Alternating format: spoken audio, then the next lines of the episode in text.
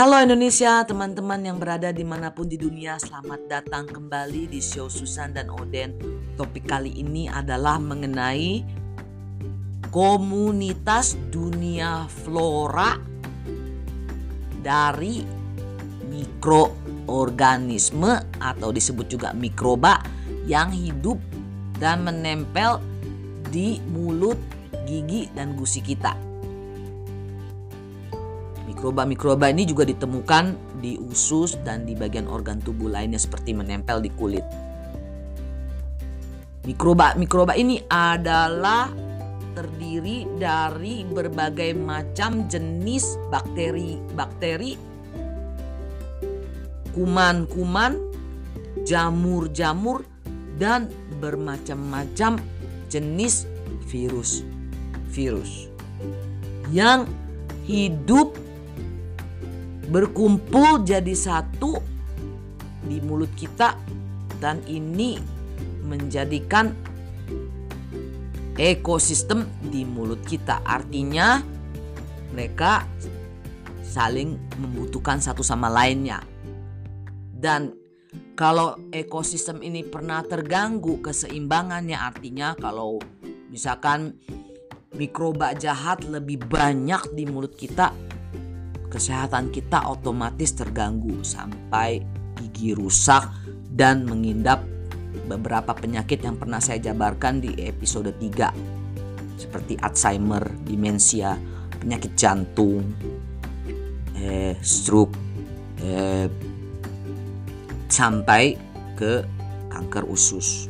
Jadi sangat penting sekali untuk menjaga dan memelihara mikroba-mikroba baik karena mikroba baik ini bekerja sama dengan sistem imun tubuh kita melawan dan menangkal kuman atau virus penyakit yang mau coba masuk ke tubuh kita lewat jalan darah untuk menjalar ke bagian lainnya di tubuh.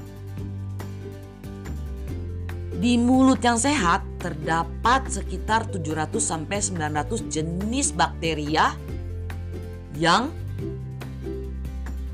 baik dan jumlahnya bisa sampai miliaran guys. Dan kalau di mulut atau gigi yang tidak sehat terdapat sampai 1 miliar mikroba mikroba jahat guys. Makanya gigi jadi hancur, lebur sampai lepas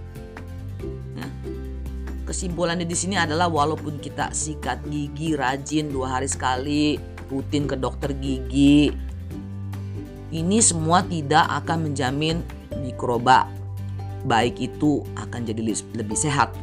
Kenapa? Karena selama kita masih hidup, kita makan, kita minum, kita bernapas, kita akan selalu berinteraksi dengan mikroba-mikroba jahat ini dalam hidup kita setiap saat, setiap menit, setiap, setiap detik, setiap jam kita perang terus ini sama mikroba-mikroba buruk dan jahat ini. Nah, seperti yang kita tahu semua, untuk usus ada dijual di pasaran probiotik spesial untuk usus ini untuk menambah dan mensupport mikroba-mikroba baik supaya tidak dikoloni oleh mikroba-mikroba jahat dan supaya tidak sakit. Teman-teman sekarang pasti bertanya, apakah ada probiotik untuk mulut? Apakah ada produk spesial untuk menjaga mikroba di mulut kita ini supaya lebih kuat dan tidak dikoloni oleh mikroba jahat? Semua ini akan saya jawab dalam episode-episode berikutnya. Sabar ya teman-teman. Terima kasih sudah mampir. Ajak teman-teman yang lain untuk bergabung di sini supaya bisa belajar.